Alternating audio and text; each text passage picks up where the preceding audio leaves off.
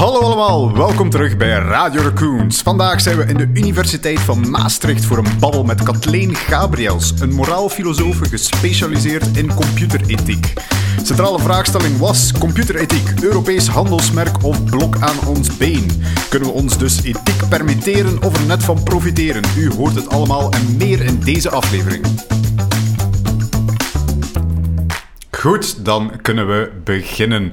Hallo allemaal, welkom terug bij Radio Raccoons. Alweer een nieuwe aflevering en zoals gewoonlijk dit seizoen alweer een nieuwe locatie. Uh, vandaag bevinden we ons in de Universiteit van Maastricht. En hier bij mij professor Kathleen Gabriels, moraalfilosoof, specialist computerethiek, auteur, maar bovenal beïnvloed door Stoïcijnse filosofie. Oh, fantastisch. Uh, de, de, oh, welke, welke Romeinse keizer is het nu weer? Die Marcus Aurelius. Marcus Aurelius. Ik vond het een fantastisch boek. Uh, veel, veel offers voor de goden en zo wel, maar dat, dat nemen we erbij. Mm -hmm. welkom, professor Catherine Gabriels. om misschien eens te beginnen, dus u bent professor computerethiek. wat heeft u precies hier gebracht? waarom precies computerethiek in het, in het brede landschap van de filosofie? Um, ja.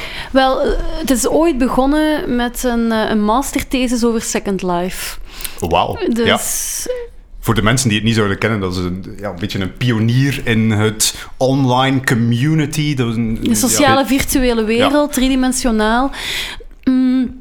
In 2007 was er een hele hype. 2007, 2008 was er een hele ja. hype rond Second Life.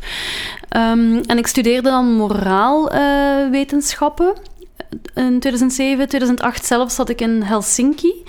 Um, een jaar lang. En toen ik terugkwam, moest ik een thema kiezen voor mijn masterproef. Mm -hmm. En ik vond dat natuurlijk een speeltuin voor moraalfilosofen. Want Second Life, of meer specifiek Linden Lab, het bedrijf mm -hmm. achter Second Life, beloofde dat je in die wereld kon zijn wie je wilde zijn. En dan komen er meteen een aantal filosofische vragen naar boven. Mm -hmm. Namelijk, kan je ooit loskomen van jezelf? En dus dan gaat het ook over de okay. befaamde mind-body split, maar ook gewoon Lucretius schreef daar al over. Um, ja, mensen gaan bijvoorbeeld op reis, willen zichzelf achterlaten, maar ja, eigenlijk neem je altijd jezelf en je problemen mee. Uh -huh. Dus in hoeverre kan je loskomen van jezelf?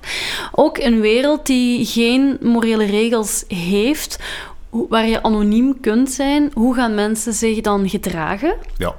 En hoe wordt zo'n wereld dan moreel gereguleerd? Dus bijvoorbeeld, roddel is een heel belangrijk mechanisme voor ons. Iedereen roddelt, mannen en vrouwen ook evenveel. Um, is een heel, gaat, roddel gaat heel vaak over het morele klimaat. Zo van, mm -hmm. heb je gezien wat ze gisteren aan had? Of hoe dat hij zich gedroeg op het feest? Er zijn allemaal manieren waarop wij duidelijk aangeven aan de gemeenschap van ik ken de regels, die persoon kent de regels niet. Um, hoe gaat in zo'n virtuele wereld, wordt er dan ook geroddeld? Hoe gaan mensen elkaar in de gaten houden? Dus ik was okay. heel erg gefascineerd daardoor. En dan heb ik daar een masterproef over geschreven. En meer specifiek onderzoek gedaan naar de invloed van morele emoties in Second Life. En dan gaat het onder andere over empathie uh, en schuldgevoel. En dan heb ik ongelooflijk veel geluk gehad, want toen uh, ben ik afgestudeerd. En net toen ik afstudeerde, had de Vrije Universiteit Brussel uh, financiering binnengehaald voor een PhD over moraliteit in de sociale virtuele wereld. Oké. Okay. Dus dan ben ik eigenlijk uh, van de Universiteit Gent naar de Vrije Universiteit Brussel gegaan. Okay. En mocht ik uh, op kosten van de Vlaamse belastingbetaler vier jaar in Second Life zitten. Graag gedaan. Dank Levenslang getekend? Of, Nee, het was ongelooflijk fijn. Ik heb daar heel warme herinneringen aan. Dat is natuurlijk ook de tijd waarin dat je nog echt tijd hebt voor onderzoek. Van het uh -huh. moment dat je ook heel veel onderwijs moet geven en funding moet binnenhalen, ja. heb je steeds minder tijd voor onderzoek. Nee, het was ongelooflijk uh, interessant. Uh, zeer boeiende wereld. Heel een diverse pluimage uh, van mensen. Ook, dus niet alleen in die wereld gezeten, maar ook een groepje mensen gevolgd, zowel in Second Life als face-to-face, -face, ook bij hen thuis geweest, om meer inzage te krijgen in hun morele identiteit, hoe dat die samenviel of afweek eh, met wie dat ze waren in Second Life. Ook kwantitatieve vragenlijsten uitgestuurd. Dus ik, heb, ik kijk daar met zeer warme herinneringen naar terug. En dat is eigenlijk... Ja goed, het was natuurlijk een, the- een doctoraatsthesis binnen filosofie.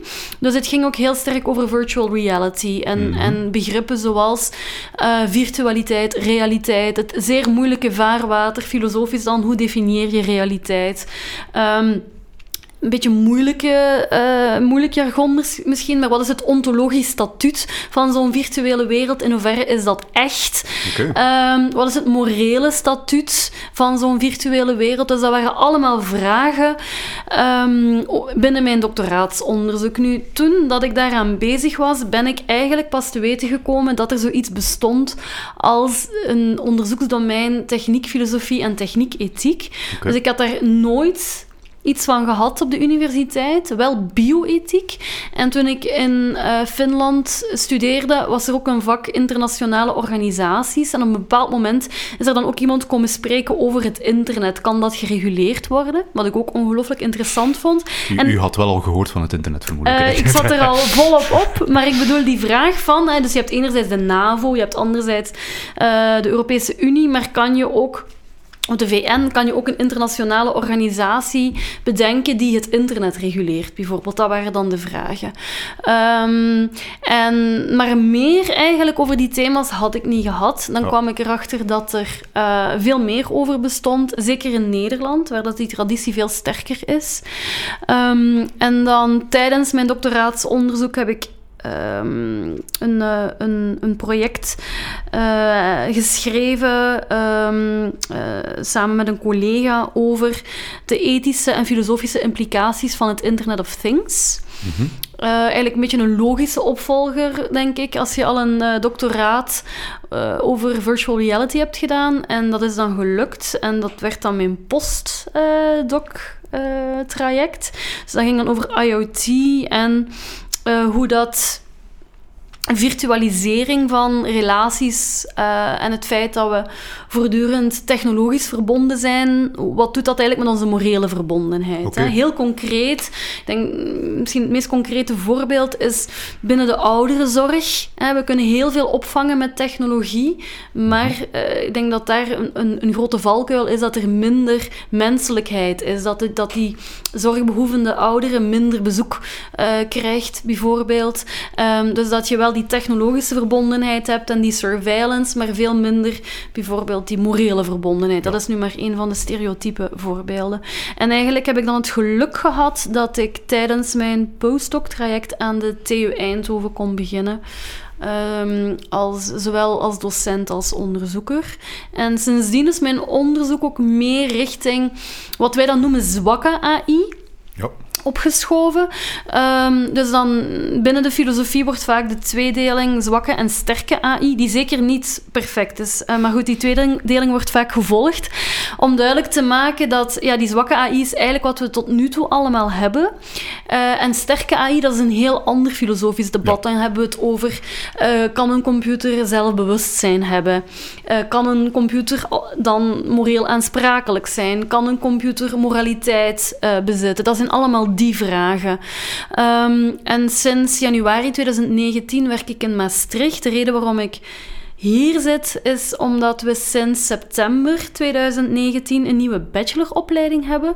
En dat is de Digital Society Bachelor. Die is volledig interdisciplinair. Dat is, dat is een eh, kruisbestuiving tussen humane, sociale en computerwetenschappen. Dus onze eh, studenten krijgen zowel les van eh, datawetenschappers als van mij, als van historici, als van politicologen om eigenlijk die uitdagingen van die digitale maatschappij ehm, ja, beter te kunnen kaderen vanuit een academische opleiding, om bijvoorbeeld technology assessments te gaan doen. Ehm, dus als een nieuwe opleiding zijn we in september gestart met 75 studenten, ongeveer 20 nationaliteiten. Oké, mooi. Ehm, en los daarvan, dus ik geef les aan die bachelor, maar ik geef ook les aan, de, aan het departement Data and Knowledge Engineering en daar doseer ik filosofie en AI. Oké. En dan doseer ik ook aan de exacte wetenschappers techniek filosofie. Aha, u bent daar de filosoof die eventjes over filosofie... Ik, ik, herinner me nog uit mijn eigen studentenjaren dat dat zo het, het, de vreemde eend in de bijt was. Dat veel studenten zich daar zoiets van hadden van waarom moeten we nu filosofie gaan leren? Ja, al moet ik zeggen dat die traditie wel veel sterker is in Nederland. Ja. Uh, toen ik nog in Eindhoven werkte was uh, ethiek, ingenieursethiek, een verplicht vak voor elke ingenieurs... Van, okay. Voor elke eerstejaarsstudent, dus echt voor iedereen. En dan kwam die vraag ook wel heel vaak, van waarom moeten wij nu dit kennen? En daar is het antwoord eigenlijk heel simpel. Als jij iets ontwerpt, dan maak je niet alleen functionele keuzes, maar ook morele keuzes. Dus tenzij je een psychopaat bent, ben je eigenlijk dag in dag uit met moraliteit bezig. Denk aan roddel. Hè. Je roddelt mee, je bent ook bezig met, met het morele klimaat. Wat kan ik doen? Um, wat doe ik beter niet? Als ik een uh, morele grens overschrijd, dan riskeer ik een sanctionering. En al die zaken gelden ook als je technologie ontwerpt. En ik, daar, ik heb ondertussen al een hele rugzak vol met voorbeelden die je kan geven. Uh, dat is geen voorbeeld over AI, maar um, die automatische zeep, dat, dat, filmpje dat een aantal jaar geleden viraal ging op Twitter. Dus uh, dan gaat het ja, eigenlijk breder. Hè? Openbare toiletten zijn enorm geautomatiseerd de laatste ja, jaren. Ja, hè? Dus je hebt geen toiletdame meer, je hebt van die poortjes, maar ook omwille van uh, waarden, hè, dus dan zitten we ook al in het ethische domein, omwille van waarden zoals duurzaamheid, maar ook hygiëne. Hè, dus je hebt geen handdoeken meer, hè, je Ja. hebt van die doekjes of je hebt van die. ehm, blazers, maar ook eh, je hebt geen, geen eh, klompje zeep meer, eh, maar je moet gewoon je hand onder zo'n automatische zeep houden of bijvoorbeeld toiletten spoelen zelf door. Als je binnenstapt in zo'n publiek toilet, dan gaan de lichten vanzelf aan. Dus heel veel automatisering. Er is zo'n heel bekend filmpje dus, over een automatische zeep eh, ehm, op een openbaar toilet. En het is een, een zwarte man die zeep wil nemen en die technologie werkt Aha, niet. ja, en dan neemt hij een, eh, een, een doekje, eh dus een wit doekje, en dan werkt het wel. Ja. Omdat die eh, zeep werkt met ehm, een- licht, hè, met, Ja, met, ja. met eh, lichtsensoren. En eh, ja, witte handen reflecteren meer terug. Ehm, en oké, die makers betichten van racisme is veel te kort door de bocht, want dat is uiteraard wel gebeurd op Twitter. Ja. Maar dat is wel een goed voorbeeld van wat wij dan noemen de white guy bias. Dat heel veel technologie ontwikkeld wordt door eh, blanke mannen. En dit, dit probleem had ook makkelijk verholpen kunnen worden als je dat ging testen met een brede groep aan eindgebruikers. Want ja, het grootste deel van de wereldbevolking is niet blank. Maar tegelijkertijd is er wel een, een, een- blanke ja, hegemonie, om het zo te zeggen. En dat is eigenlijk een voorbeeld van hoe dat je niet alleen functionele keuzes maakt, maar ook morele keuzes. Namelijk Ja. door een deel van je, eindgebruiker, eh, eh, je eindgebruikers te negeren. Andere voorbeelden zijn de automatische draaideur. Dat is op zich ook, eh, eh, zit heel veel ja, een ethisch denken achter, namelijk om de koude buiten te houden. Maar iemand met een wandelstok, iemand Hmm. met een rolstoel, of zelfs, en daar denken veel mannen, of toen in elk geval ook niet aan, met, iemand met een kinderwagen kan daar ook niet, eh, niet door. En ja, daar is dan natuurlijk het vooroordeel. Meestal, zeker die draaideur bestaat al een aantal decennia, meestal zijn het vrouwen die eh, met de kinderwagen op straat eh, rondlopen. Dus misschien dat een man daar minder snel aan denkt. Als die, ik kan uiteraard niet allemaal mannen bashen, maar dat zijn zo de, eh, de, de stereotype voorbeelden. Eh, dus dan zie je ook dat het belangrijk is dat je een diversiteit hebt in het ontwerpteam. Ja. En bijvoorbeeld, ehm, zeker toen ik nog in Eindhoven doseerde, was dat een van de betrachtingen van wie zijn eigenlijk jouw eindgebruikers? Het is ja, het is heel gevaarlijk om jezelf als norm te nemen. En ik denk dat... Er zijn nu twee hele interessante voorbeelden daar. Ik denk het eerste dat ik ook altijd geef is Tony Fadel. Tony Fadel heeft de maatschappij veranderd. Niemand kent hem, eh, in tegenstelling tot, eh, tot veel andere idolen hangt niemand een poster van Tony Fadel uh, op Ik zijn kamer. Als, ook niet, tien- dus, wel, Tony Fadel heeft zowel de iPod als de iPhone, als zelfs de Nest eh, thermo, thermostaat eh, ontwikkeld. Dus die werkte eerst bij Apple, daarna bij Nest, nu deel van Google. En die heeft een paar jaar geleden een heel interessant interview gegeven, waar ik altijd aan refereer, omdat het zo'n duidelijk voorbeeld is, waarin dat, oké, het was een vrij dramatische titel, waarin de titel was dat hij soms badend in het zweet wakker wordt. Eh, en, hij, en dat hij zich afvraagt... ehm, wat we daar gedaan hebben met die iPhone, is dat nu eigenlijk goed geweest voor de wereld? En eh, het meest interessante deel van het interview is als hij zegt, als hij spreekt over die ontwerpfout van de iPhone. Namelijk, ehm, toen dat hij en het team de iPhone ontwikkelden, waren ze in de twintig, hadden ze geen, of waren ze niet getrouwd en hadden ze geen kinderen. En dat laatste is doorslaggevend. Ondertussen is hij in de veertig, is hij getrouwd en heeft hij drie tienerkinderen die in huis heel vaak zijn afgeleid door de smartphone. Ja. Je, dan, je zal dan natuurlijk maar de ontwerper zijn van die smartphone, want zijn vrouw kijkt dan naar hem hè, en, en eh, die zegt dan van, ja, je bent toch op zijn minst mede verantwoordelijk. En zoals elke goede man geeft hij dan zijn vrouw gelijk. En, eh, en zegt hij in het interview letterlijk... ehm, dat is een ontwerpfout. Wij hebben in der tijd die iPhone voor onszelf ontwikkeld. Heel individualistisch. Wij hadden geen kinderen, dus waarom zouden we moeten nadenken over een andere context? Dan, ze namen gewoon echt hun eigen leven als norm. En nu heeft hij daar spijt van en... ehm, dat is ook wel grappig. Nu is hij degene die zelfs pleit voor een eed van Hippocrates voor ontwerpers. Net zoals artsen moeten zweren aan de eed van Hippocrates, met als eerste eh, eed is eigenlijk doe geen schade, breng geen Ja. schade toe. En hij vindt dat ontwerpers, computerontwikkelaars enzovoort, dat ook moeten zweren. Dat ze geen schade toebrengen. En misschien nog een ander voorbeeld, wat iedereen kent, ehm, is natuurlijk de retweet-knop. En Chris Wetherell, ehm, die eh, heeft onlangs de, zijn uitvinding, dus de retweet-knop, vergeleken met het geven van een geladen wapen aan een vierjarige.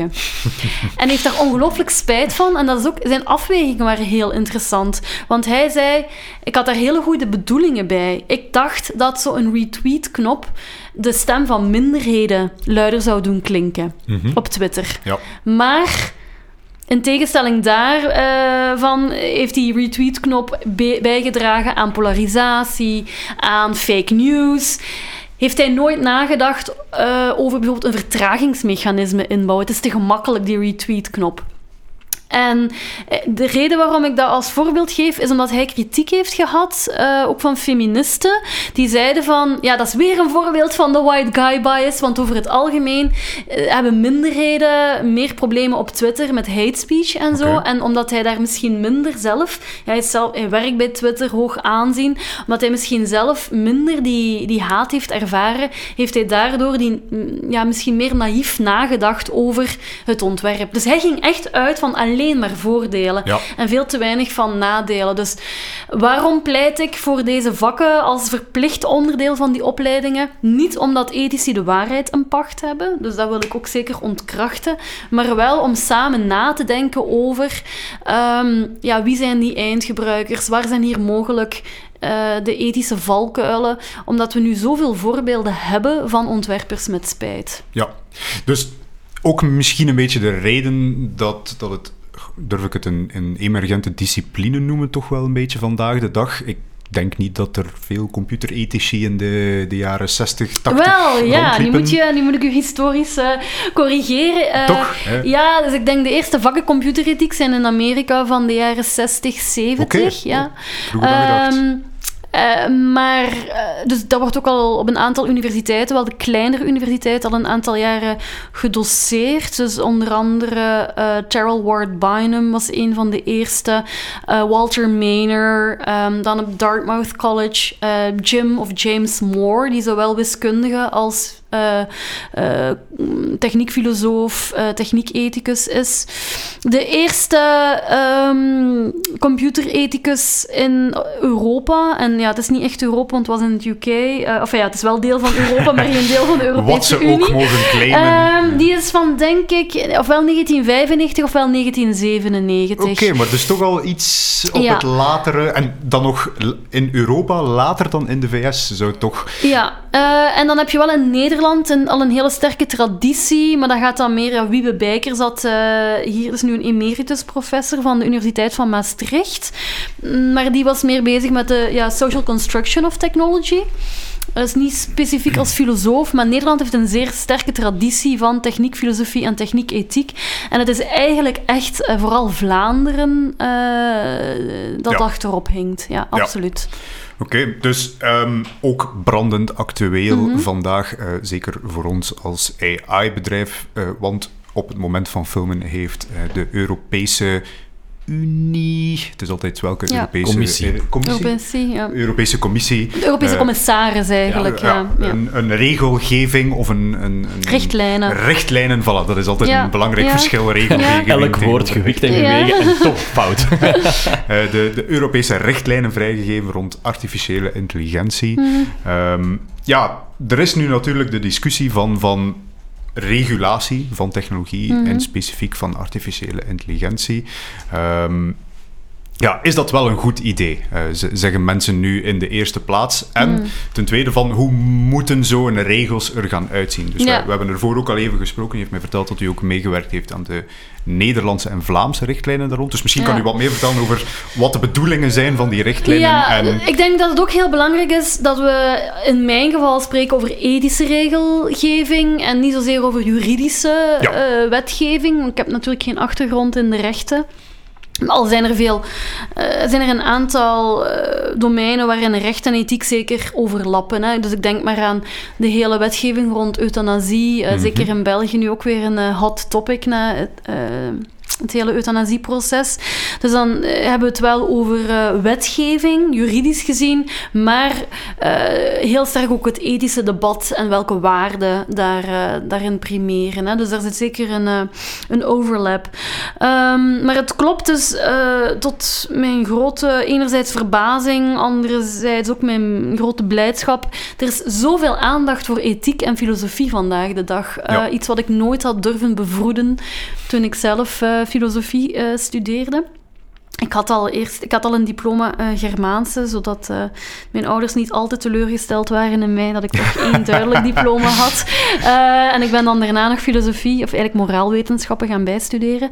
Maar er is ongelooflijk veel aandacht eh, voor filosofie in Ja. het algemeen. En zeker ook mensen die nu ineens ehm, ook uit onverwachte hoek aan mensen en aan hun kinderen gaan aanraden om filosofie te studeren, omdat ze doorhebben dat het toch belangrijk is om analytisch te kunnen redeneren, om kritisch te kunnen denken.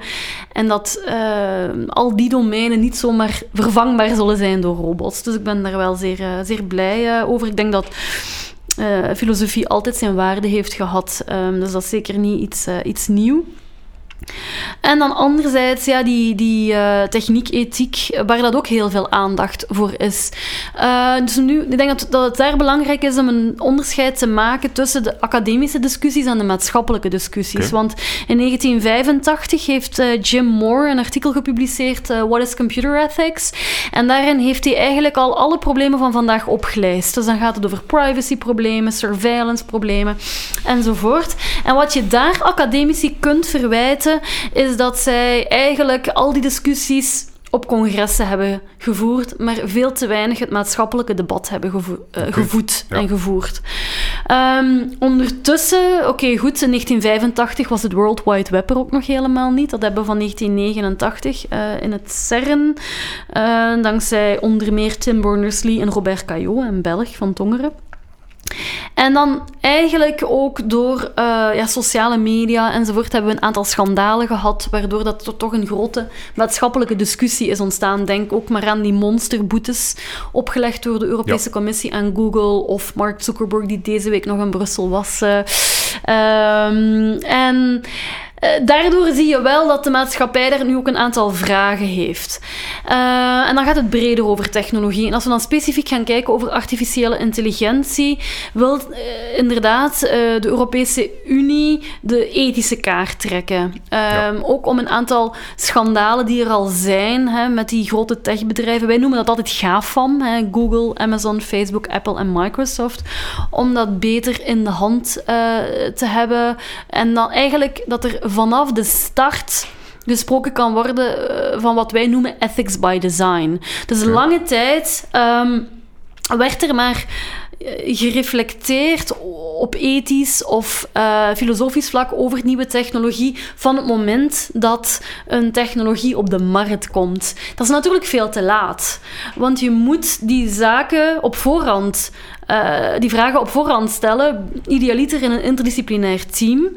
Uh, omdat, ik heb het al aangehaald, een ontwerper niet alleen functionele, maar ook morele keuzes maakt. Dus je moet er eigenlijk heel ja. duidelijk over zijn. En dat is eigenlijk in een notendop het hele idee daarachter. Ethics by design, dus dat je al die ethische vragen um, op voorhand stelt. Bijvoorbeeld uh, een onderdeel van ethics by design, namelijk privacy by design, is al onderdeel van de GDPR. Ja. Dus de General Data Protection Regulation, de Europese vernieuwing vernieuwde privacywetgeving, die ook oplegt dat. Uh, het hele idee daarachter is: privacy is zo'n belangrijke waarde, morele waarde, is ook een mensenrecht, is ook een kinderrecht, dat die moet beschermd worden in het platform zelf. Dus dat wordt opgelegd. En zo moet je eigenlijk ook die, uh, dat hele idee van ethics by design over AI zien. Nu is er een enorme hype over AI. Ik, ik weet niet hoe lang die nog gaat duren, want sinds dat, dus de, de term artificiële intelligentie bestaat sinds 1955. Ja. En dat is eigenlijk ook wel een grappig verhaal, want... Uh, um, John McCarthy had die term bedacht omdat hij geld nodig had uh, voor een uh, zomerschool. Dus hij heeft een heel mooi interview gegeven, staat ook nog altijd op YouTube, waarin dat iemand hem vraagt, en uh, die term artificial intelligence, waar komt die van? En dat hij heel nuchter zegt, ja, ik had eigenlijk gewoon geld nodig voor een onderzoeksproject. En dus hij heeft dan in de zomer samen met een aantal andere pioniers, waaronder Marvin Minsky, uh, in de zomer van 1956 uh, een zomerschool uh, georganiseerd over artificial nerds, intelligence aan Dartmouth College, waar Ja. niet toevallig Jim Moore later met zijn computerethiek is gaan zitten. Dat is een heel onderzoek daar rond. Ehm, en sinds 1956 heeft AI wat wij dan noemen een aantal zomers en winters gehad. En wat zijn dan die winters? Wel, die, we hebben eerst dan die zomer ongelooflijk veel verwachtingen en hoop eh, die geprojecteerd wordt op AI. En dan zien we, dan, dan komt de winter weer ehm, een verminderde aandacht voor Ja. artificiële intelligentie. Je moet daar zeker ook eens met eh, Luc Steels eh, over spreken, AI-pionier uit, uit België omdat hij ook wel merkte in eh, onderzoeksfunding, als er weer zo een AI-winter was, kreeg hij ook minder geld voor onderzoek. Een van de er waren frustraties. zelfs eh, onderzoekers die hun papers de term AI gingen gaan schrappen om nog funding te krijgen. Ja, je dat- voilà. En nu, nu zie je weer het omgekeerde. Het omgekeerde. Nu, nu plak je Ja. AI ergens op en wordt er met geld die naar eh, hedendaagse eh, AI-hype heeft natuurlijk te maken met big data en IoT. Ja. We hebben zoveel nieuwe data om eh, algoritmen op te trainen, Waardoor dat we met nieuwe eh, doorbraken zitten. En daardoor, door die hype, ehm, zie je dat heel veel landen, maar ook organisaties zoals de VN, zoals de Europese Unie, met AI-strategieën afkomen. Ja. Nu moet ik wel zeggen, ehm, enfin, dat is ook wel onderwerp voor een thesis of voor een doctoraat. Ik vind, ik heb er een aantal eh, gelezen en ze willen allemaal leading zijn. Dus al die landen apart willen even leading zijn en zo. Dus er zijn heel veel overlaps. Maar ik ben een, een tijdje terug inderdaad via Parlement en Wetenschap, dat is een, ja, een Nederlands, eh, Nederlandse samenwerking, eh, dus de Koninklijke Nederlandse Academie voor Wetenschappen samen met de Tweede Kamer. En heb ik een position paper geschreven over mens en ethiek binnen AI. Ehm, die strategie zelf op dat vlak is nog volop eh, in ontwikkeling. En ik heb ook een aantal jaar geleden meegewerkt, maar dan extern eh, als adviseur aan de Vlaamse AI-beleidsnota. En ik heb dan heel hard ook wel gehamerd, uiteraard, op, eh, op, e- op ethiek, omdat daar in Vlaanderen zo'n achterstand is. En een van de concrete uitwerkingen van die beleidsnota is het kenniscentrum Data en Maatschappij, Data and Society, is afgelopen najaar gelanceerd. En dat is ehm, die hebben een kenniscentrum dat in Brussel zit. eh, samenwerking tussen de KU Leuven, de VUB en de UGent. Ehm, en dat is onder andere voor bedrijven. Dus dat is echt Ja. heel concreet. Zij moeten een brug slaan tussen eh, dus ja, enerzijds de overheid, maar anderzijds bedrijven die vragen hebben rond AI, big data en natuurlijk burgers. Dus ze hebben echt als kerntaak ehm, mensen adviseren met concrete vragen. Dus daar ben ik heel, eh, heel blij om dat eh, die concrete ehm, uitwerkingen er zijn. In hoeverre dat Europa erin zal slagen om eh, ja, een koploper te zijn op, op ethische AI, eh, is natuurlijk ook weer koffiedik kijken. Hè? Ja. Maar inderdaad, de betrachtingen zijn er. De grote kritiek die je kunt geven is, als je dus gaat kijken naar al die AI-strategieën, is dat ze enerzijds nogal algemeen zijn en anderzijds nogal inwisselbaar. Dus ik denk dat Niet ze... bindend is misschien ook wel eh, het, het, het, het verschil. Daarom dat we misschien nog even Ja, moeten... Tussen, maar- tussen regelgeving en, en richtlijnen is... eh, Ja, maar bijvoorbeeld je ziet dat bij de GDPR dat er een aantal richtlijnen wel bindend zijn geworden. Ja. Hè? Dus die privacy by design staat daar wel eh, in. Eh, en, en bijvoorbeeld, ik, ik hoop, het zou een hele mooie dag zijn als Europa zou beslissen om techniek, ethiek en concreter computerethiek voor elke toekomstige ingenieur verplicht te maken. Nogmaals niet omdat we daar met een een of ander pastoor vingertje in de lucht even de, gaan zeggen wat ze moeten doen. Nee, maar wel om die dialoog, om die samenwerking. Ik denk ook wat, wat, wat Vlaams onderwijs nog, eh, waar dat die echt nog ja, mee kampt, eh, is dat Vlaams onderwijs echt in silo's zit. Hè? Dus je kan echt... eh, ehm, de filosofen praten niet met, eh, met het AI-lab bijvoorbeeld, of met de ingenieurs.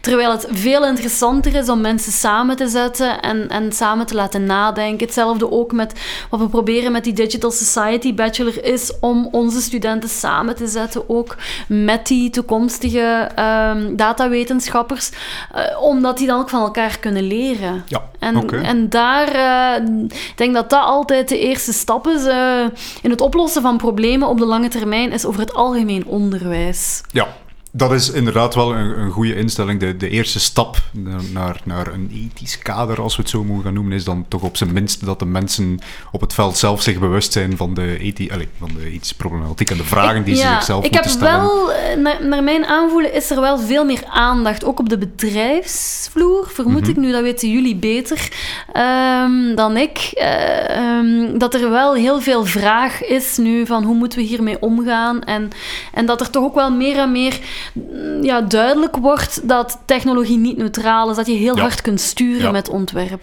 Ik, eh, het, is, het klinkt misschien wat cruut, maar eh, mijn, mijn opvatting daarover is dat schrik daarin toch wel de grootste motivator is. Het voorbeeld van Amazon, Mhm. eh, die volledig thoughtless een, een HR-tool heeft gelanceerd, die dan een beetje seksistisch en misschien ook racistisch bleek te zijn, Mhm. want alleen maar voorkeur voor blanke mannen. Eh, dat, dat heeft toch wel een aantal mensen wakker geschud. van oei, zo'n schandaal willen we liefst vermijden, om niet te zeggen dat dat allemaal ethische mensen zijn geworden, zou ik nu nog altijd niet zeggen, maar kijk, als het, eh, het Nee, maar ik denk ook... eindresultaat Als je, als je die vakken verplicht maakt, hè, dan geef je iemand in, in zijn of haar opleiding vier jaar Mhm. om daar rustig over na te denken. En om, op de werkvloer is het gewoon te laat. Want dan Ja. moet je met wat een opleidingsdag van, eh, ja, van één dag, letterlijk, die problemen, dat is veel te laat. Ja. Eh, je moet, dat is een vorm van kritisch en analytisch denken die, die je mensen rustig moet eigen maken. Ja. En dat krijg je gewoon niet zomaar met één voorbeeld eh, rechtgezet. Nu, als het gaat over, dus, dus we hebben het enerzijds over regelgeving Mhm. van artificiële intelligentie of technologie in het algemeen. Anderzijds dat u ook zegt van de bedenkingen die moeten gemaakt worden voor technologie zomaar op Mhm. de markt gegooid wordt. Is er een beetje de spanning enerzijds tussen wat we ja, misschien kunnen zien als, als eh, de Europese droom. Eh, kunnen we, kunnen we eh, ethische technologie, ethische AI als handelsmerk gaan gebruiken? Kunnen we vertrouwen, Mhm. Ja. gaan, gaan vertrouwen in technologie gebruiken Mhm. als handelsmerk? Maar dan anderzijds zijn er ook mensen die zo'n beetje ja, zien of vinden dat wij, dat wij in een wapenwetloop zitten. Dat we, dat we geen tijd hebben eh, om, om Hmm, na te hmm. denken over implicaties. Want ondertussen China, eh, China doet doodleuk onderzoek naar het herkennen van Oeigoeren met behulp van facial recognition Mhm. technologie. Hmm. They don't care. Eh, en zij zouden dan zeggen van ja, elke minieme stap dat we ook maar nemen is vertraging tegenover China, Ja. tegenover de VS. wat is uw antwoord daarop? Ik vermoed dat, dat, eh, dat u daar niet akkoord mee bent. Jawel, ja, dat is, op zich wil ik daar vrij lang op antwoorden, maar dat is langer dan... eh, ik denk dat... ehm, eh, ja, dat mensen over het algemeen toch eh, een voorkeur hebben om te leven in een liberale democratie, iets wat China dus niet is. Ja. Eh, China is een eenpartijstaat, dus er zijn hele grote verschillen tussen Europa en, eh, en China.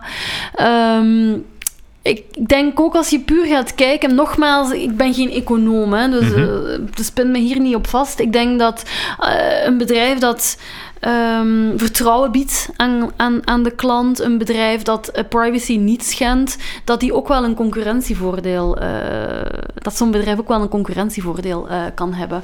Ja. Ik denk de, de, de grootste bezorgdheid met de wapenwetloop is letterlijk de wapenwetloop als het gaat over laws, lethal, aut- autonomous weapons. Mhm. Dus, dus eigenlijk het militaire gebruik van machine learning. Ja. En er, zijn, er is al een charter in Europa, de Belgische Kamer. Ik denk dat België het eerste land was met een resolutie daarover dat er wel onderzoek naar mag gebeuren, maar dat het niet mag ehm, eh, ingezet worden, het mag niet ontwikkeld worden. Op VN-niveau proberen ze ook eh, daar een algemeen verbod op te krijgen, maar onder andere ja, China en Amerika ehm, hebben tegengestemd. En daar zie je in de retoriek van, of in het discours van Amerika, zie je ook dat ook letterlijk zij zeggen van ja, ehm, wij willen niet gewoon op een dag wakker worden en zien dat China het wel heeft en wij niet. Dus Ja. daarom doen we mee. Nu, ik denk dat daar zijn wel andere voorbeelden van eh, technologieën, zeer bedreigende technologieën, die wel zijn gereguleerd hè, eh, wereldwijd. Dat denk maar ook Mhm. aan kernwapens en zo. Ook Ja. al heb je daar ook wel een heel debat nog over. Al ging het maar over kleine brogel. Ehm, maar, ehm, dus ik denk dat, dat, dat je wel heel veel kunt bereiken met menselijke samenwerking. Ehm, mijn persoonlijk probleem is natuurlijk, ik, ja, ik werk hier gewoon in Maastricht. Ik weet niet exact wat China doet. Ik weet niet exact waar Amerika mee bezig is. En puur vanuit mijn eigen overtuiging kan ik wel zeggen van ja, ik denk dat inzetten op ethiek eh, op de lange termijn eh, het beste is. Ik denk wel dat we moeten, want in jouw vraagstelling eh, merk ik ook enerzijds van we hebben geen tijd, anderzijds die, die droom. Dus altijd die tweedeling een beetje. Hè? Dus enerzijds het hoera-verhaal, anderzijds we zijn gedoemd.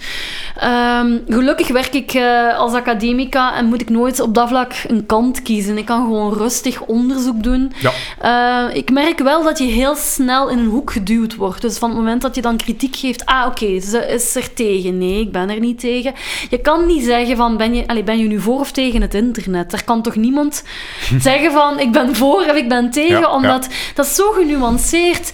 Eh, het internet heeft bednet mogelijk gemaakt. Hè? Dus ehm, langdurig zieke kinderen kunnen dankzij bednet terug geïntegreerd worden in de klas. Niemand gaat zeggen, ik ben tegen bednet. Ja. Eh, maar het internet heeft ook andere, wat andere problemen geleid. Dus dat is zo genuanceerd. En dat is hetzelfde met artificiële intelligentie. Artificiële intelligentie zijn uiteindelijk ook maar tools die gaan om eh, het inzetten van ja, intelligentie. En dan gaat het nog over ja, welke intelligentie. Ehm, eh, intelli- ja, een intelligente toepassing, een nuttige toepassing, eh, die, die op zijn best efficiënter is, tij- tot bes- tijdsbesparing leidt. Ehm, dus dat is eigenlijk iets heel breed. Je kan niet zeggen, en, en zit je daar nu voor of tegen? Ja, ja. Hetzelfde met, met, met wagens. Hè. Dat, dat, ging al meteen mijn volgende vraag Ja, zijn. Dus dat is brandend actueel ja. vandaag, zeker als het op ethiek aankomt. Ja. Ehm, nu, ja, ik, ik zelf ben, ik, ik, ik bekijk dat een beetje simpel langs mijn kant. Dus ook eh, ingenieur, dat is onze, onze beroepsmisvorming een beetje, denk ik. Eh, ik bekijk het zo wat utilitair van een zelfrijdende wagen, die gaat waarschijnlijk minder slachtoffers maken dan wij als mensen die Ja. een beetje op onze gsm zitten. Ja, te Eh, weinig slapen, voilà, dronken eh, achter het stuur, Voilà, we doen het allemaal. schreeuwende kinderen op de achterbank. Ja. Een beetje babbelen en voordat je het weet is het gebeurd. Dus, Mhm. dus netto vallen er minder doden. Nu, natuurlijk is er dan nog altijd het probleem van... Ja, maar in die split second, stel een auto moet een keuze maken en rijdt eh, twee omaatjes of een kleuter omver.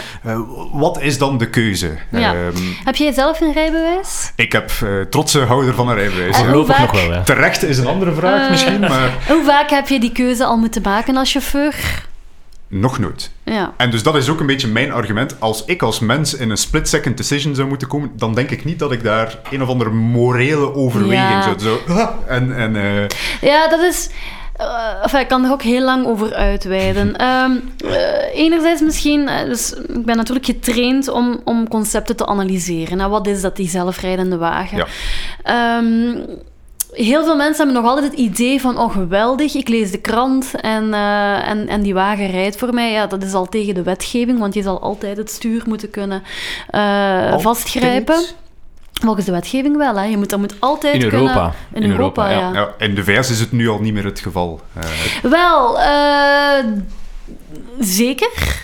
Ja, in, ik zal, eh, er staan een aantal filmpjes van mensen die eh, in hun Tesla in slaap gevallen zijn en eentje was de krant effectief aan het lezen. Ja, maar het is niet omdat mensen het doen dat het daarom wettelijk is, hè. Dat weet ik niet. Maar Ik denk inderdaad- dat ze, zij, zij, moeten, zij moeten altijd, net zoals een piloot, ook, Want die moet moeten kunnen kunnen, ingrijpen. Maar bijvoorbeeld Ja. in Europa, eh, Mi- Michiel hier, rijdt hier met een Tesla, eh, Mhm. dus eh, we, we hebben, in Europa is er een teken dat als je meer dan vijf seconden je handen van het stuur houdt, dat, dat het heel wild begint lawaai te maken en Ja. dat je terug je stuur moet vasthouden. In de VS is die regelgeving Nee, maar volgens mij is de wetgeving in de Vs, nogmaals, ik heb geen. Ja, achtergrond in wetgeving.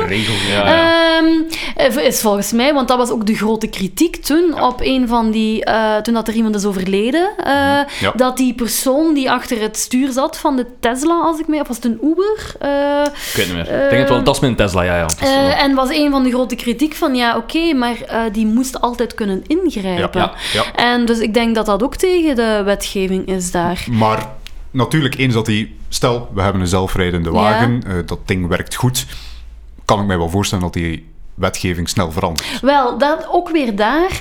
Ik denk, eh, als het over zelfrijdende wagen gaat, wordt er meestal over vijf niveaus gesproken. Ja. En we zijn nog helemaal niet op het vijfde niveau. Dus ook over welk niveau spreken we? Dus die Tesla die kan eh, op zichzelf bochten nemen, ehm, ehm, maar die heeft nog altijd.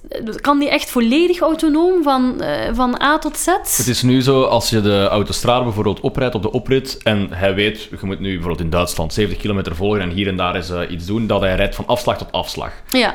Ja, Oké, Eh, want eh, die volledige autonomie, waarbij dat ook het hele wegdek is aangepast, ehm, waarbij dat ook verkeerslichting in, con- eh, in contact staat met de wagen, waarbij dat idealiter ook elke wagen aan elkaar gekoppeld is om complete veiligheid te garanderen, die is er nog lang niet. Ja. Hè?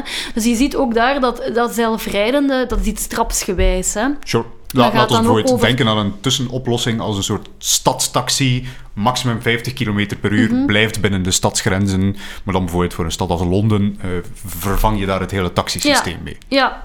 Ehm, dat is ten eerste wat, wat veel mensen vergeten, maar dan zitten we weer in het economische domein. Dat is een ongelooflijk dure kost, hè, want je moet daar heel veel eh, voor investeren om alles daarop aan te passen. En dan heb je nog de vraag, wat ga je doen met wagens eh, zoals die Tesla's die dat al kunnen en andere mensen die zo geen eh, zelfrijdende wagen hebben? Je gaat altijd zo'n tussenfase hebben. Nu, over het algemeen sta ik zeer positief tegenover zelfrijdende wagens.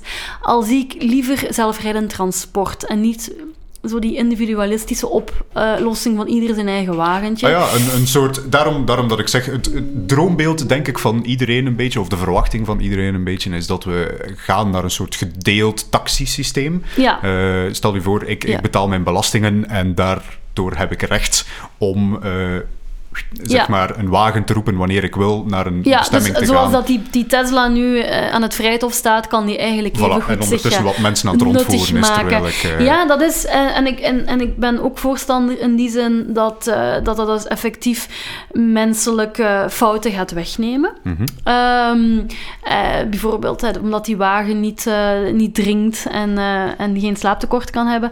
Maar het is niet eh, dat het er al morgen gaat zijn op de manier dat, dat we die droom hebben. En als we dan over het morele domein of het, ja, het ethische domein gaan kijken, dan wordt inderdaad altijd dat trolley-dilemma erbij gehaald. Ehm, waarbij dat we ook gewoon heel duidelijk moeten zijn. Op dit moment kan dat algoritme het verschil in een split second niet zien tussen een boom en een, en een mens. Als het echt over een fractie van een seconde gaat. Het is een complete overschatting van wat een algoritme al kan. Ja, Ehm, natuurlijk, het mag ook wel gezegd worden, wij als mensen nog veel slechter daarin Ja, maar het eh. probleem is dat wij, en ik denk dat we daar mensen ook moeten van afhelpen, dat als het over technologie gaat, dat we op een of andere manier een perfect systeem verwachten. Ehm, en eh, die MIT Moral Machine, ik ken, ik ken die studie zeer goed, ik heb dat ook al heel vaak met studenten gedaan. Dat is interessant voor moraalfilosofen, hoewel die, die resultaten die zijn gepubliceerd niet verrassend zijn. Ehm, namelijk, inderdaad, er is één algemene regel, namelijk dat het leven van een dier eh, ja, ondergeschikt is aan dat van een mens. Hè. Dus daar was iedereen het over eens. Ehm, maar inderdaad, je hebt dan zo van die ehm, verschillen tussen landen, dat bijvoorbeeld oudere mensen worden meer gespaard in Japan. Ja. Ehm, Mensen die door het rood lopen worden zwaar afgestraft in West-Europa. Maar hoe meer je naar het zuiden gaat, hoe minder Ah, eh, belangrijk mensen dat vinden. Weinig verrassend. eh. Ja, dus je hebt daar al die, die stereotype culturele verschillen, waarin dat je nooit, je kan daar nooit een wetgeving op aanpassen. Want die Ja. auteurs van dat artikel hebben dan gezegd, ja, die, die mensen die zo van die wagens ontwikkelen, die moeten daar rekening mee houden. Ja, nee, want wat gebeurt er dan als je van Moskou tot Brussel rijdt? Moet je dan in elk land een Ja, de, andere de wagen... lokale ethische wetten Dus inladen. Dat is, dat is eh, eh, nonsens. Hè? Dus ik denk dat je daar tot algemene eh, wetgevingen moet komen. Ehm, oh, ik ging daar nog iets over zeggen. Ehm, ah ja, Ehm, ik denk dat je. Een, ehm, een ontwikkelaar help je ook niet verder met dit soort van onderzoeken. Ik denk, eh, je kan maar moeilijk eh, zeggen van, eh, ah kijk, we hebben dit verschil nu gevonden, hou daar rekening mee. Nee, ik denk dat je, als, dat je veel meer hebt aan bijvoorbeeld... ehm, dat was iets waar dat studenten in de tijd in Eindhoven ook rond werkten. Vanaf hoe kan zo'n zelfrijdende wagen aangeven aan een voetganger dat het veilig is om over te steken? hè? Dus bijvoorbeeld zo'n wagen kan ook rood kleuren of kan groen kleuren. Ik denk dat dat nuttiger is dan eh, zo nadenken van eh, moet hij nu die drie oude mensen... ehm, moet hij nu die drie oude mensen Dit was een 45 poging om een subtiele bezig. verwijzing te doen dat we rond de 45 Ah, minuten ja. zitten. vandaar, vandaar. Eh, Maar- moet hij nu die mensen doodrijden of niet? Dus ik, ik geef daarin regels voor robots. Dus in mijn boek eh, hierover eh, bespreek ik ook vrij uitgebreid de enige code die er al is rond zelfrijdend transport. En dat is dan die Duitse code. Waarin dat mensen ook hopen van, ah goed, 20 duidelijke regels. Nee, zo werkt het niet. Dus ze hebben één regel overgenomen. Of ja, die is niet overgenomen. Dat is gewoon een regel die, eh, die ze ook eh, hebben. En dat is dus dat het eh, leven van een mens altijd primeert op dat van een dier. Maar in die code staat ook zeer duidelijk dat zo'n wagen nooit op basis van persoonlijke kenmerken mag eh, gaan een verschil maken. En dat geen enkele eh, coder, pro- programmeur ooit dat recht mag hebben. Oké. Dus dat mag nooit. Dus, dus dat is, en dat is een hele interessante code. Wat staat er dan wel in? Dus veel, veel algemenere regels. Dus ja, self-learning. eh, eh, zelflerende algoritmen bijvoorbeeld. Hè? Ehm, dat al die scenario's, dat is heel belangrijke kennis, die moeten opgeslagen worden bij een onafhankelijk orgaan, zodat iedereen daaruit kan leren. Dus dan zie je eigenlijk Oké. zo het maatschappelijke belang. Ehm, wat er ook is, dus bijvoorbeeld nu ligt de aansprakelijkheid bij de bezitter van de wagen. Je gaat zien dat dat model van aansprakelijkheid veel meer ja, gaat gedistribueren. Dus je hebt dan eh, niet alleen sorry, degene die de wagen ontwikkelt, maar je hebt ook natuurlijk eh, de verplichting om die technologie steeds te updaten. Ja. Als je ziet, daar, dat soort zaken staan in die ethische code. Dus eh, misschien samengevat, dat is een veel genuanceerdere discussie dan zelfrijdende wagen, want zelfrijdende wagen is al een, hele brede, een heel breed concept op vijf niveaus enzovoort. En anderzijds, oh, ehm, drie bejaarden dood of eh, de zwangere vrouw dood. Ja, nee, nogmaals, de reden waarom ik ook al ook vroeg van... ehm, eh, hoe vaak heb je die keuze al moeten maken? Ja, nooit, omdat over het algemeen mensen die keuze nooit moeten maken in Ja. hun leven. Zo duidelijk is het ook allemaal niet. Maar bijvoorbeeld, eh, in die code in Duitsland staat dan bijvoorbeeld dat zo'n wagen als er zoiets gebeurt, eigenlijk in een veiligheidsmodus moet overgaan. Ofwel moet hij dan stoppen, ofwel moet hij weggeleid worden op een veilige manier naar de kant van de weg. Dat is niet zo van, ah oké, eh, deze wagen rijdt in Saoedi-Arabië, dus eh, sowieso eh, de homo's moeten dood. En ik, ik ben- maar luid op aan het Ja. nadenken. Maar dat is natuurlijk wat mensen graag willen horen bij de borrel, borrelpraat. Dat Dit, dit, dit blijft hangen bij mensen. Dus in die zin heeft de Moral Machine, MIT Moral Machine, wel geholpen aan het maatschappelijk debat en het bewustzijn. Maar eigenlijk hebben ze dan ook weer ondermijnd door het zo eh, duidelijk voor te stellen. Die scenario's zijn nooit in real life zo duidelijk als ze daar worden afgebeeld. dat, dat is dan ook weer als, als ingenieur langs mijn kant. eh, voor, voor mij, ik vond dat een goed initiatief, omdat dat blijkbaar een soort poging was om het, het in een formule te gieten. Ja. Right? Ik zit daar aan mijn computer te wachten tot iemand mij vertelt hoe die zelfrijdende Ja. wagen moet reageren. En ik zou daar liefst kunnen insteken van. En dus de Duitse regelgeving vind ik wel goed van negeer de personen zelf. Laat Mhm. Ja. ons. eh, mensen zijn mensen, hè? Voilà. En, en laat ons gewoon zo weinig mogelijk mensen doodrijden. Is Ja, en het, eh, wat, wat zij... allee, ik heb die discussies ook vaak met eh, mijn studenten van computerwetenschap. En dat vind ik altijd super interessant. Omdat zij inderdaad op zoek gaan... Oké, binair. Zeg mij gewoon de code. Zeg mij hoe dat ik dit moet programmeren. Terwijl, als je dan gaat kijken... Kijk, over het algemeen zeggen we... Zoveel mogelijk levens moeten gespaard blijven. Maar als die ene die dan gaat sterven, als dat jouw partner is, of dat is jouw Mhm. kind, dan gaan mensen zeggen, ah nee, nee, nee, nee, nee, nee, nee. Mijn kind moet gered worden en die vijf mensen mogen dood. Dus je zit, je zit altijd met een context. Ja. En hoe ga je dat dan, hoe ga je die morele overwegingen eh, daarin krijgen? Dus dat ten eerste is al een zeer moeilijke discussie. Anderzijds, ehm, ja, moraliteit is een product van evolutie. Mhm. Ehm, mensen zijn vrij jong in de geschiedenis van, ehm, van de kosmos. Maar als je bijvoorbeeld de bouwstenen van moraliteit zien we ook bij aapsoorten enzovoort. En als je gaat kijken dan nog naar de evolutie van complexe organismen, dan hebben we, spreken we over zeer veel jaren. Dat krijg je niet zomaar even nagebouwd, of dat krijg je niet zomaar ineens in een formule. Eh, dus ik denk dat dat ook een ongelooflijke utopie is om te denken dat wij eh, zomaar meteen moraliteit gaan kunnen programmeren met een 0 en een 1. Ja, en dat brengt ons misschien naar, naar een. eh, we zijn, we zijn nou, naar, naar een einde toe aan het gaan. eh, maar een leuke uit, allee, voor mij toch altijd een leuke uitsmijter. Als het gaat over moraliteit en technologie, dan, dan komt men nogal snel uit bij het concept. We hebben het daar straks al eventjes over gehad. Strong AI, General AI. Het eh, beest heeft heel veel verschillende namen. Kort samengevat, natuurlijk, ja, de filosofische definitie zal wel wat langer zijn, maar dus een computer met de algemene flexibiliteit en capaciteiten van een mens Ja, en mogelijks daarvoor bij. En dus veel, eh bijvoorbeeld Kurzweil, die, die, die gelooft van eens we zoiets maken, dan verbetert dat ding zich vanzelf tot een, een super goddelijke intelligentie. Ehm, Sam Harris, die is daar super, allee, super pessimistisch over, die, die claimt dan van... dat ook weer die twee kanten, hè? Ofwel weer het doemverhaal, of wel weer het hoera-verhaal. Die, die ja. claimt van, oké, eh, het moment dat we dat uitmaken en China hoort ervan, dan, dan gaan de kernbommen aan het vliegen. Ehm, Mhm. En dan Nick Bostrom, die, die, ik vind dat een, een enorm... Was voor mij echt wel een eye-opener. Dus Nick Bostrom heeft een boek geschreven, Super Intelligence Mhm. Ja. Path, Danger Strategies. Ja. Eh, zeker een aanrader voor iedereen thuis ook. eh, waarin hem dus vertelt over ja, strong AI Ja. en, en de implicaties daarvan. En, En die spreekt gevaar, best wel lang een heel significant deel van zijn boek over het, het overbrengen van waarden. En Ja. Hoe zorgen we er in godsnaam voor dat zo'n systeem, die mogelijk superintelligent is, dezelfde waarden deelt als wij? Ja. Terwijl wij als mensen gewoon doodleuk mieren vertrappelen terwijl wij over het gazon wandelen, bijvoorbeeld. Ja, ja, ja, ja, ja. En dan is de analogie natuurlijk, we moeten vermijden dat zo'n superintelligente computer ons op een dag als een mier gaat beschouwen. Voilà. Eh, En, en, want- en het klinkt kwaadaardig, Ja. maar het zou niet eens zo zijn. Eh, wij, wij als mensen, wij zitten ook niet van, haha, mieren, sterf.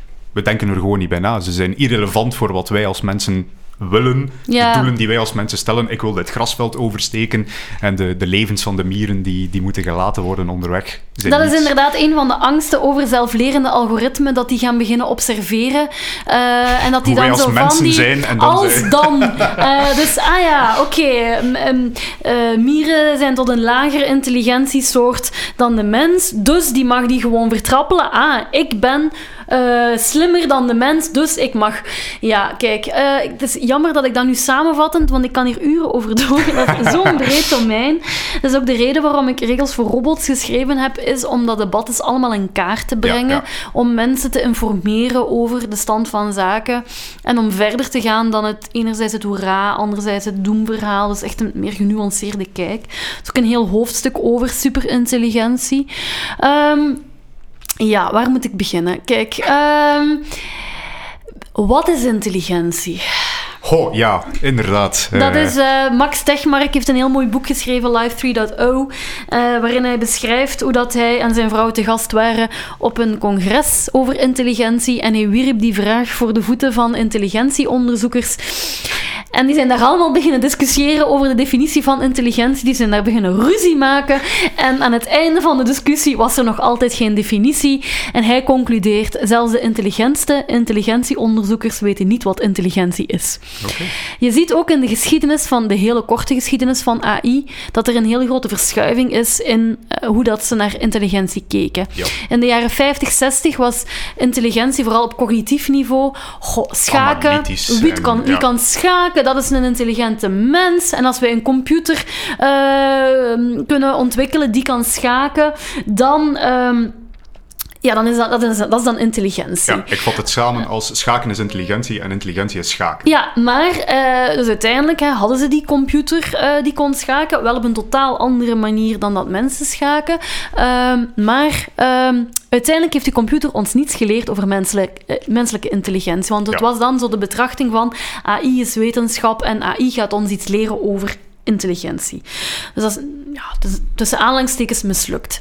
Dan heb je de hele eh, ontwikkeling rond associatief leren. CALC ken je misschien, dat is ook het onderzoek rond, van Rodney Brooks. Ook nog aan de VUB gezeten. De man achter de Roomba-stofzuiger, een Australische robotonderzoeker, is ook eh, eh, directeur geweest van het MIT AI-lab, als ik mij niet vergis zowel ondernemer als onderzoeker, die in de jaren 80, 90 zei van nee, eh, intelligentie eh, moet aangeleerd worden via associatief leren, net zoals kindjes leren. Hè. Je, je steekt ervaringen op door met mensen te interageren. Dus dat je kook en die ogen, je had ook een menselijk uiterlijk, dus dan had je die ogen, hè, dat zijn dan camera's, de oren, en microfoons, en die kon dan handen bewegen. En Joanne Bryson heeft daar in, on- niet zo lang geleden een heel interessant interview over gegeven, want zij was betrokken bij dat onderzoek aan MIT, en zij was echt verbaasd over hoe dat PhD-studenten naar haar konden komen van, oh, trek nooit de stekker uit kook. Eh, Want mensen gingen daar zo moreel mee identificeren, terwijl kook totaal niet intelligent was. Ehm, en Kook staat ook uitgestald nu in het museum van MIT. En dan heb je dus nu veel meer het idee van eh, intelligentie via zelflerende algoritmen. Hè? Dus die Ja. machine learning, deep learning, reinforcement learning. Machine learning bestaat van de jaren 50. Nu pas zijn er de data eh, om het eh, goed af te stellen. Deep learning van de jaren 80. Eh, dus je ziet dan die focus van wat is intelligentie. Wat je ook ziet, is dat bepaalde intrinsieke eigenschappen van intelligentie jarenlang ontkend zijn. Namelijk emotionele intelligentie, taal. Waardoor, en dan zie je ook de gevolgen, en ik bespreek dat ook heel eh, uitgebreid in regels voor robots. Een van de gevolgen daarvan is dat eh, AI-onderzoek rond NLP, Natural Language Processing, als het over taal gaat, maar ook AI-onderzoek rond emotieherkenning is heel vaak nog onbetrouwbaar. Hè? Dus zeker als het gaat over, over eh, commerciële toepassingen, moet je heel waakzaam zijn. Ik denk dat er ook een taak is voor het beleid om die bedrijven te verplichten om het cijfer van accuraatheid daar eens te gaan eh, vrijgeven van hoe accuraat zijn die systemen. Dus je ziet, doordat intelligentie mm, zo nauw gedefinieerd werd, zien we die gevolgen op vlak van taal en emotie. Om er te zeggen, het is niet zo simpel om menselijke intelligentie in haar complexiteit zomaar even te gaan nabouwen. Ik denk dat, er, dat we dat ook tijd moeten geven. Ik denk dat we ja, empathie bijvoorbeeld. ehm, niet zomaar moeten gaan uh, verwachten in zo'n intelligent systeem. Al ben ik zeer grote voorstander en vind ik ook heel interessant van wat er binnen A-Life en Evolutionary Robotics gebeurt. Hè, mm -hmm. Namelijk multi-agent omgevingen. Je laat ze met elkaar interageren en je hoopt dat er ergens de essentie van moraliteit of game ja. theory wordt, uh, wordt vrijgegeven. Um, maar tot nu toe is dat zeer primitief. Dus in die zin eh, wil ik echt ook wel die verwachtingen koesteren. En als we het dan over Ray Kurzweil hebben, dus ja, die transhumane betrachtingen, die ook niet nieuw zijn. Um, uh, ik denk dat bij, bij hem heb je enerzijds ja, de technologie, maar anderzijds ook een beetje het religieuze geloof. Hè? Van, uh, van waar, waar, waar, de christenen de hemel beloven, belooft hij van oké, okay, ik wil onsterfelijk zijn via technologie. En wat hem eigenlijk ongeloofwaardig maakt, uh, is bijvoorbeeld in de Singularity is near... Is het de Rapture of the Nerds, de term die daar soms aan wordt toegekend? ik, ik, hoor die soms eens passeren. Ah, maar dat hij in, in de Singularity is near ook begint over dat hij 200 150 supplementen per dag neemt. Hm, okay. um, dat hij ook een datum plakt op die Singularity. En ik denk dat het in de Singularity is near, was het dan 2019? Wel ja, kijk, dat is niet gelukt. Ik denk dat zijn laatste prognose was dat gaat gebeuren in 2029. Wat hem weinig geloofwaardig maakt, omdat hij dat ook nog duidelijk in zijn eigen leven wilt uh, meemaken. De meeste AI-congressen zijn altijd academische congressen die ik mee maak of waar ik ben, daar wordt meestal gezegd, ja, singularity is bullshit. Um, dus ik, ja, kijk, op bepaalde vlakken zijn die AI-systemen intelligenter dan wij. Namelijk als het over computationele mm -hmm. intelligentie gaat, dan zijn die intelligenter. Maar ja, wat is menselijke intelligentie? Wat is machine-intelligentie? Dat is allemaal niet zo makkelijk te definiëren. Dus ik ken die debat. Ik vind het ook altijd heel interessant om daar discussies over te voeren. Ik, die value alignment, inderdaad. Uh, ik denk dat dat niet slecht is om na te denken over uh, dat die waarden van die systemen in, lijn liggen van onze waarden. Maar ik ben zelf niet zo bevreesd over singularity. Totaal okay. niet. Um, ik, ben, ik ben eerder bezig met de uitdagingen van vandaag de dag. Mm -hmm. um, en dat, een, dat een we dan. pragmatische filosoof, is dat. Uh... Ja, nuchter. uh, uh, dat bijvoorbeeld. ik vind dat heel interessante literatuur en dat zijn ook dingen die ik bespreek in regels voor robots. Is van. Kijk, heel concreet, hè. Goed moraliteit. Hè? Hoe gaan we dat in een machine programmeren? Hoe gaan we dat dan doen? Ten eerste is er al geen uh, eenduidigheid over welke ethische theorie nu de beste is. Hè? Daar, daar discussiëren en maken ja. filosofen al, al eeuwenlang ruzie over. Stel nu, we houden die regels simpel. Hè? We nemen de eeuwenoude gouden regel van eh, doe een ander niet aan wat dat je zelf niet wil. Hè. Heel, okay. heel, heel duidelijke regel, ja. ook voor computerwetenschappers. Wel, dan moet zo'n AI-systeem al weten hoe dat het zelf behandeld wilt worden, moet het al kunnen inschatten hoe dat anderen behandeld wilt worden en dan moet je dat ook nog eens numeriek allemaal kunnen oplossen. Dat is ongelooflijk moeilijk. Dan kan je zeggen, oké, okay, uh, top-bottom is te moeilijk, we gaan meer bottom-up werken. Mm -hmm. Maar dan zul je ook zien dat bepaalde, bepaalde waarden met elkaar in conflict komen. Hè? Je hebt heel veel morele dilemma's. Hoe ga je dat dan doen? Bijvoorbeeld, empathie en eerlijkheid kunnen ook met elkaar in conflict komen. Ja. Of denk maar aan, hoe ga je persoonlijke privacy met publieke veiligheid verzoenen? Dat is ook allemaal niet zo simpel. Uh, en daarbij, wij zijn ongelooflijk feilbaar als morele wezens. Hoe kunnen wij ooit een soort van perfect moreel systeem krijgen. Ja. Dat zijn allemaal vragen die het heel moeilijk maken. Um, dus ja, heel interessante discussies. Ik, ik vind, uh, dus, dus, de studenten moeten ook allemaal een hoofdstuk lezen uit Superintelligence. Um, uh, Ray Kurzweil, ik ben zelf ook een hele grote voorstander van computer- en AI-ethiek doseren via science fiction. Uh, geen oh. betere manier om de Turing-test duidelijk te maken dan via Ex Machina of, uh, of andere voorbeelden. Um, maar ik denk dat we een heel duidelijk onderscheid moeten maken tussen wat AI al kan, wat het zal kunnen en wat het mogelijk nooit zal kunnen. Want we moeten ons ook niet blind staren op problemen die er mogelijk nooit gaan zijn. Net zoals de analogie die ik in het boek maak is: oké, okay, we kunnen nu ook zeggen, we zetten al ons geld in op. Uh, het voorkomen of, of een goede verdedigingsstrategie van een aanval van buitenaards leven. Kunnen we ook niet. We kunnen niet uitsluiten dat het bestaat. Ja. Hè? Kunnen ja. we niet uitsluiten. Eh, dus misschien moeten we daar al over gaan samenwerken. Maar tegelijkertijd vind ik niet dat we geld moeten gaan weghalen bij kankeronderzoek Ja. of bij anderen. Dus ik denk dat we daar ook veel genuanceerder naar moeten kijken. Oké, dat, dat is op zich wel een, een, een, een mooie conclusie eigenlijk. Van, het- ja, het, het- je hoort anderzijds ook uitspraken van het, het is goed dat u buitenaardse eh, wezens aanhaalt, want soms hoort je ook uitspraken van eh, stel u voor dat we een bericht zouden krijgen hey, we komen er aan binnen 70 jaar, bereid u voor. Eh, en dan de analogie wordt dan gelegd met artificial general intelligence die volgens computerwetenschappers ook ergens in de jaren 70 zou zitten. Maar dat is inderdaad een goed punt van we weten het niet.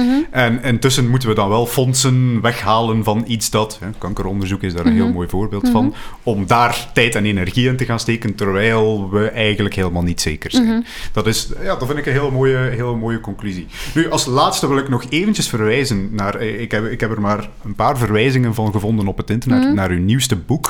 Van vorige week uit. Dus Ah, dat is- voilà, vandaar, vandaar. Ik dacht, ofwel is het een heel oud exemplaar Nee, nee, Die, die zo wat weggestoffeld is, ofwel is het nieuw. Eh, recent, dus van ja. Melkweg tot Moraal, samen met Anne Dooms geschreven, professor wiskunde aan de VUB, als ik het goed begrepen ook bezig met AI. heb. Oké, top. Eh, kan, kan u daar iets over vertellen? Wat, wat, eh, waarover gaat het boek? Wel, het is eigenlijk op uitnodiging van Caroline Pauwels, dus de rector van de VUB. Zij eh, is curator van Theater aan Zee en daardoor ook verantwoordelijk voor een aantal boekjes die worden uitgegeven. En zij heeft als thema verwondering gekozen. En zij had aan eh, een filosofe en aan een wiskundige gevraagd mooi. Om te reflecteren over ja, verwondering en wetenschappen. En Anne en ik, eh, elk vanuit onze eigen discipline, werken eigenlijk binnen dezelfde thema's. Dus zij werkt ook over AI. Zij is onder andere bezig met eh, wiskundige toepassingen in schilderijen. Hè. Dus eh, bijvoorbeeld, hoe kunnen we weten of een schilderij van Van Gogh echt van Van Gogh is? Dan gaan ze met machine learning eigenlijk... Ja. ehm, die, eh, eh, die schilderijen analyseren en dan op basis daarvan kunnen ze eh, um, een bepaalde manier van schilderen afleiden die kan, kan bijdragen aan authenticiteit. Hè. Ehm, en zij is ook bezig met de Turing-test enzovoort. En we zijn dan eigenlijk... ik ben dan... eh, ik laat als filosoof nooit een kans onbenut om het over Immanuel Kant te hebben. En hij zelf eh, had ook fysica gestudeerd en filosofie. Ja. En hij heeft een heel mooie, in de conclusie van de, de kritiek van de praktische reden, heeft hij een ongelooflijk mooi citaat over verwondering eigenlijk. Mhm. Dus de insteek namelijk eh, dat ehm, zijn geest eh, zo vervuld is van eh, verwondering en bewondering eh, van de sterrenhemel boven hem en de morele wet in hem. En Hmm. vandaar eigenlijk de titel van Melkweg tot moraal. Ja, ja. Dus ook de plaats van de mens, maar ook het belang van de wiskunde. En de sterrenhemel is altijd heel belangrijk geweest voor mensen. Hè? Dus Zeker. in tegenstelling tot, tot de, ja, de wetmatigheden van een sterrenhemel zijn mensen natuurlijk vrij om hun baan te kiezen. En, en zijn wij veel chaotischer. Dus enerzijds heb je dan die eeuwige waarheden waar Anne mee bezig is. Anderzijds eh, die chaotische mens waar ik mee bezig ben.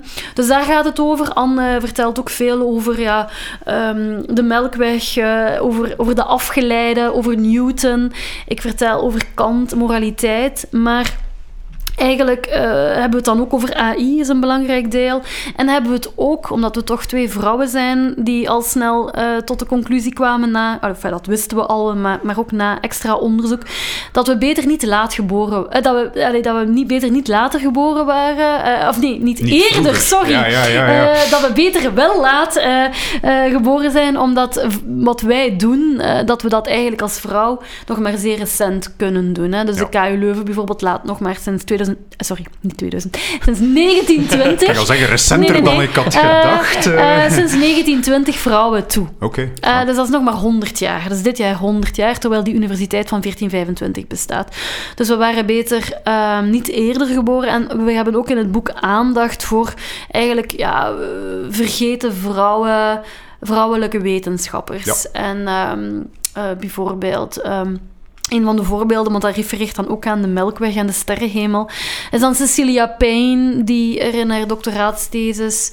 eh, Cecilia Payne zelf is in 1900 geboren in het Verenigd Koninkrijk, maar is eigenlijk naar eh, Amerika gegaan, want in Cambridge kon ze maar een eigen naam afstuderen in 1948. Oké. En dan is ze naar eh, Radcliffe College, nu deel van Harvard, gegaan.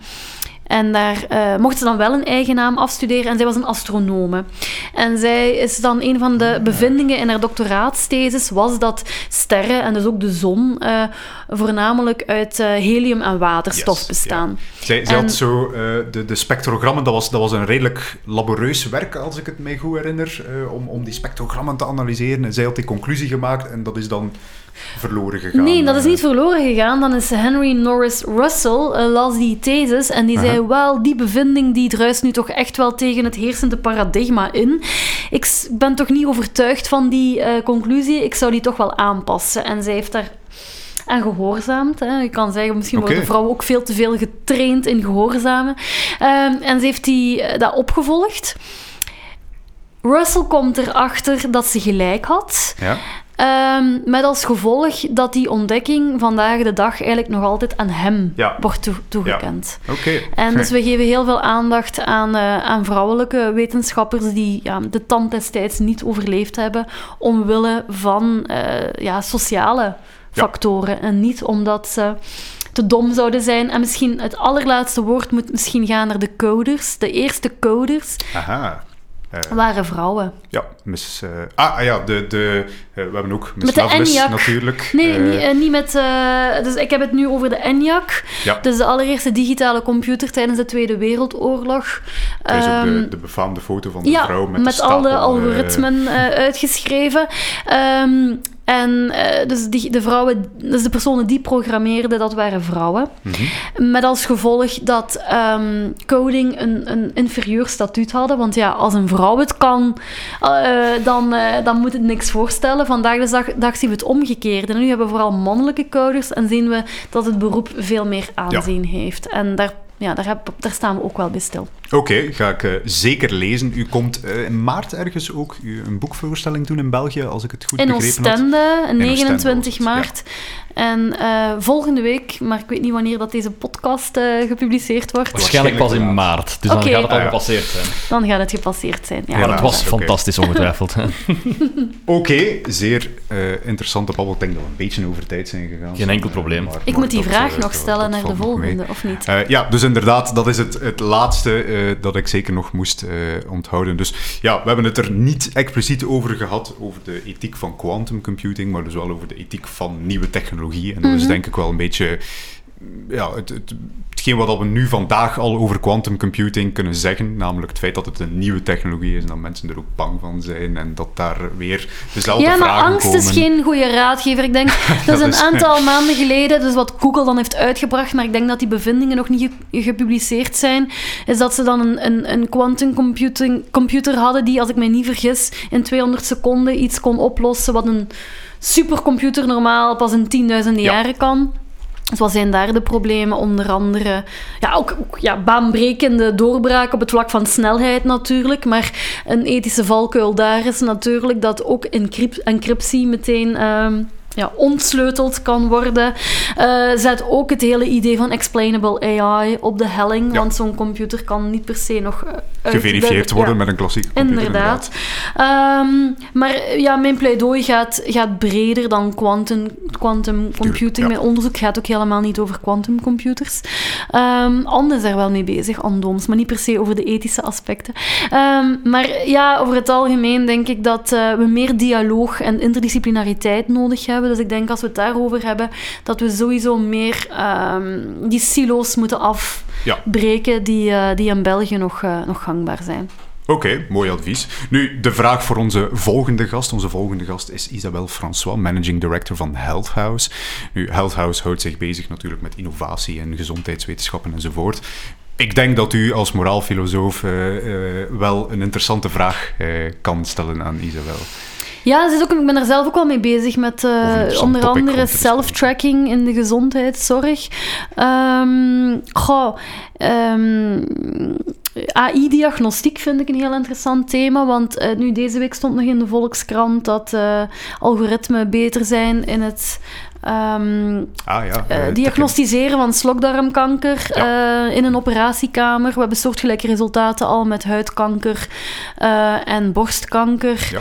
Ehm, maar met welke technologieën is het bedrijf zelf bezig? Met welke ontwikkelingen? Ja, zij, Dus wat ze eigenlijk willen doen is, uh, ze hebben enerzijds bijvoorbeeld bij ons in het gebouw in Leuven, hebben zij eigenlijk een soort exhibition room, waar zij eigenlijk niet echt technologie van de toekomst laten zien, maar technologie waar je van zou denken dat het in de toekomst pas bestaat, maar eigenlijk nu al wel is, of in de zeer nabije toekomst er zal zijn. Dus dat gaat zeer breed van uh, onderzoek met AI tot bijvoorbeeld uh, lepels die algoritmes gebruiken, dat die stabiliseren Ja. voor mensen die... die Dat bestaat al lang. Ja, Ah, wel, die Parkinson hebben. Ja, voilà. Of, Ja. eh, Dus of heel breed het VR, innovatie eh, ja, aanmoedigen voilà. in de gezondheidssector. Ah, ja, ja, ja, ja. oké. Ehm, wel ja, eh, ik denk dat een van de grote valkuilen daar is dat... ehm, eh, dat er ja, die afhankelijkheid van technologie zonder kritisch na te denken over ja, menselijke aspecten. Dus bijvoorbeeld, ik, ik herinner mij een of andere start-up in Nederland waar om mensen langer thuis te laten wonen, dat ze eigenlijk gewoon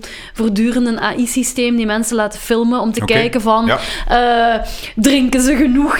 En dan van het moment dat die mensen op de grond liggen, dan slaat het eh, systeem in paniek. Dus ik denk dat een van de valkuilen daar is, ja, ja, dat is het menselijke, dat ze misschien, ik Ja.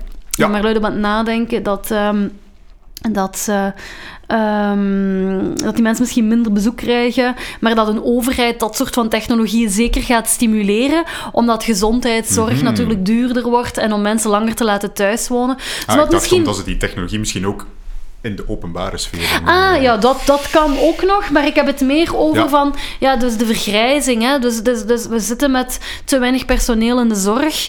Ehm, en, en dat dat een makkelijke oplossing kan zijn. Ja. eh, om kost, ik ben nu wel heel kort door de bocht aan het gaan.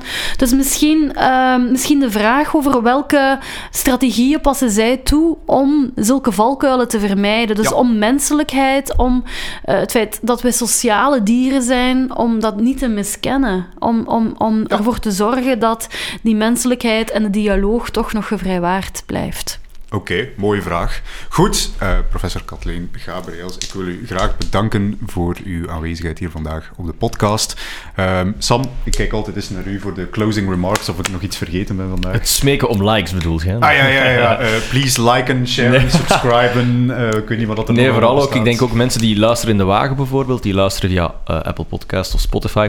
We gaan ook iets meer op YouTube inzetten, dus mensen die er graag beeld bij hebben, er is op de YouTube, ja, David zijn beeld. Zo- eh, Zoom maar in nu. Ja, voilà. Michiel zal dat editeren zo.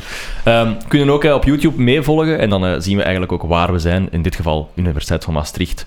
En eh, moesten er nog vragen of opmerkingen zijn, mag dat altijd doorgestuurd worden. En als die voor Kathleen zijn, dan sturen we die graag door. Oké, top. Voilà, dan denk ik dat we hier kunnen afsluiten. Bedankt iedereen voor het luisteren. Bedankt Kathleen voor uw aanwezigheid hier vandaag. En ja, tot de volgende aflevering iedereen.